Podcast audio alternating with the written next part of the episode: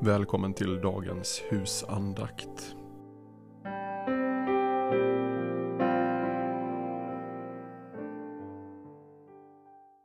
Den 7 december. Låt oss ransaka våra vägar och pröva dem. Låt oss vända om till Herren. Klagovisorna 3.40.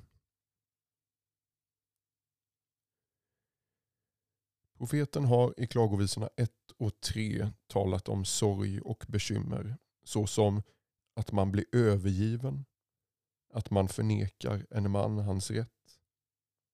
Om allt detta säger han, vem talade och det blev så utan att Herren hade befallt det? Kommer inte från den högstes mun både ont och gott? Varför klagar en människa här i livet när hon straffas för sin synd? Låt oss ransaka våra vägar och pröva dem. Låt oss vända om till Herren. Det är en särskilt viktig förmaning om vi verkligen vill bli frälsta från det onda. Herren är en stor och trofast vän. En vän för evigheten. Han vill frälsa vår själ. Han vill frälsa oss från det eviga fördärvet, från helvetet. Vår yttre människa måste ofta försvagas för att den invärtes ska hållas vid liv och hälsa. Ta inte efter världen så att du bara ser på människor och yttre omständigheter när något ont drabbar dig. Tro och lita på att det finns en Gud som lever ibland oss och som räknat alla våra huvudhår. Inget ont, inte det allra minsta, ska drabba oss utan hans vilja. Gå till dig själv och rannsaka ditt hjärta. Pröva om det inte är något hos dig som Herren vill peka på med detta smärtsamma onda. Om vi inte är helt förblindade kommer vi snart att märka vad Herren vill med oss. Kanske någon synd eller trolöshet är orsak till vårt onda. Vi tvingas att erkänna att allt det onda som drabbar oss har någon koppling till våra synder. Om du är ett äkta Guds barn får du ingen ro i din själ så länge du inte accepterar grundorsaken, din synd och otro och söker förlossning från den. David talar om att tiga med sin synd inför Herren. Det är att inte låtsas om den, att inte bekänna den inför Guds ansikte och söka nåd. Han säger, så länge jag teg förtvinade mina ben och jag stönade dagen lång. Dag och natt var din hand tung över mig. Min kraft rann bort som i sommarens torka. Sela. Då erkände jag min synd för dig och dolde inte min skuld. Jag sa, jag vill bekänna mina brott för Herren. Då förlät du mig min syndaskuld. Sela. Därför ska alla trogna be till dig medan du går att finna. Om väldiga vattenfloder kommer ska de inte nå dem.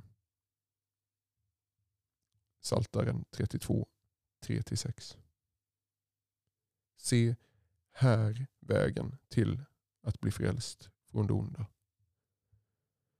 När det handlar om en medveten olydnad eller försvarad synd så vore det din största olycka om du skulle bli fri från det yttre onda. Då väntar dig en ny sorg i evigheten. Det kan vara vilket ont som helst och vilken nöd som helst. Vi kan inte be fräls oss från ondo utan att tänka på våra synder. Men detta gäller Guds barn med Guds fruktans ande i sina hjärtan.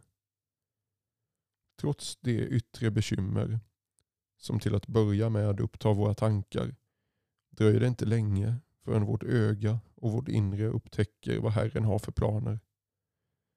Det är först när du inför honom har bekänt dina synder, anklagat och dömt dig själv och erkänt dig skyldig till allt som du får ro och verklig tillit till Herren. Du kan säga, jag har syndat och förtjänar att straffas tusen gånger mer. Så Herre, fräls mig. Fräls mig från min synd. I samma ögonblick som jag ödmjukar mig inför Herren, bekänner min synd och ger honom rätt i hans domar, får jag ta emot tröst och styrka och en barnslig tillit till hans nåd. Dessutom får jag vissheten att Herren ska höra min bön och frälsa mig från allt ont. Allt vad Herren gör går ut på att bota synden, vår värsta onda, att göra oss andligt friska och evigt saliga. Vilka medel använder han? Jo, han handlar ofta tvärt emot vår mening och vår vilja. Han tar ofta inte bort den yttre nöden. Ja, i många fall inte ens den inre. Till en tid kan han låta mycket allvarligt ont plåga vår själ, trötta ut och försvaga vår gamla människa. Vi som gärna vill vara starka och friska upplever oss ständigt förödmjukade.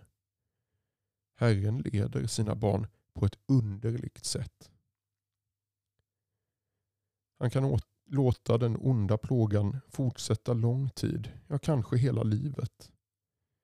Dessutom kan han sända dig ännu en olycka.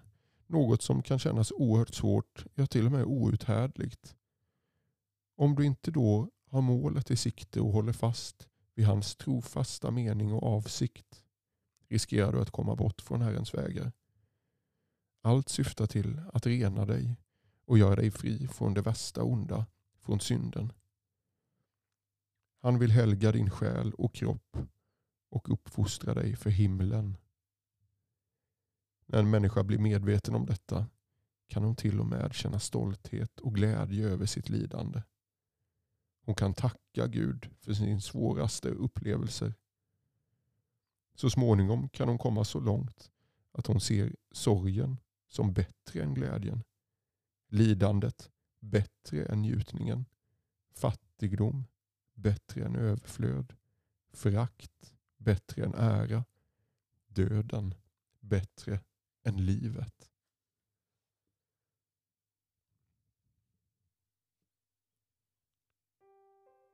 O Gud, hur svårt, hur mörkt jag allting ser. Dock är jag nöjd om blott din vilja sker. Jag vet en orsak och ett ändamål och ser att Fadern vet vad barnet tål.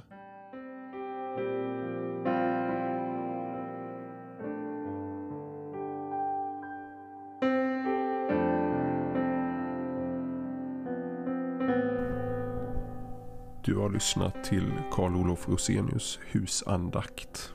Betraktelser för varje dag ett helt år. Med mig, Jakob Stille, som inläsare. Husandaktboken ges ut av BV förlag och kan köpas på www.bvforlag.se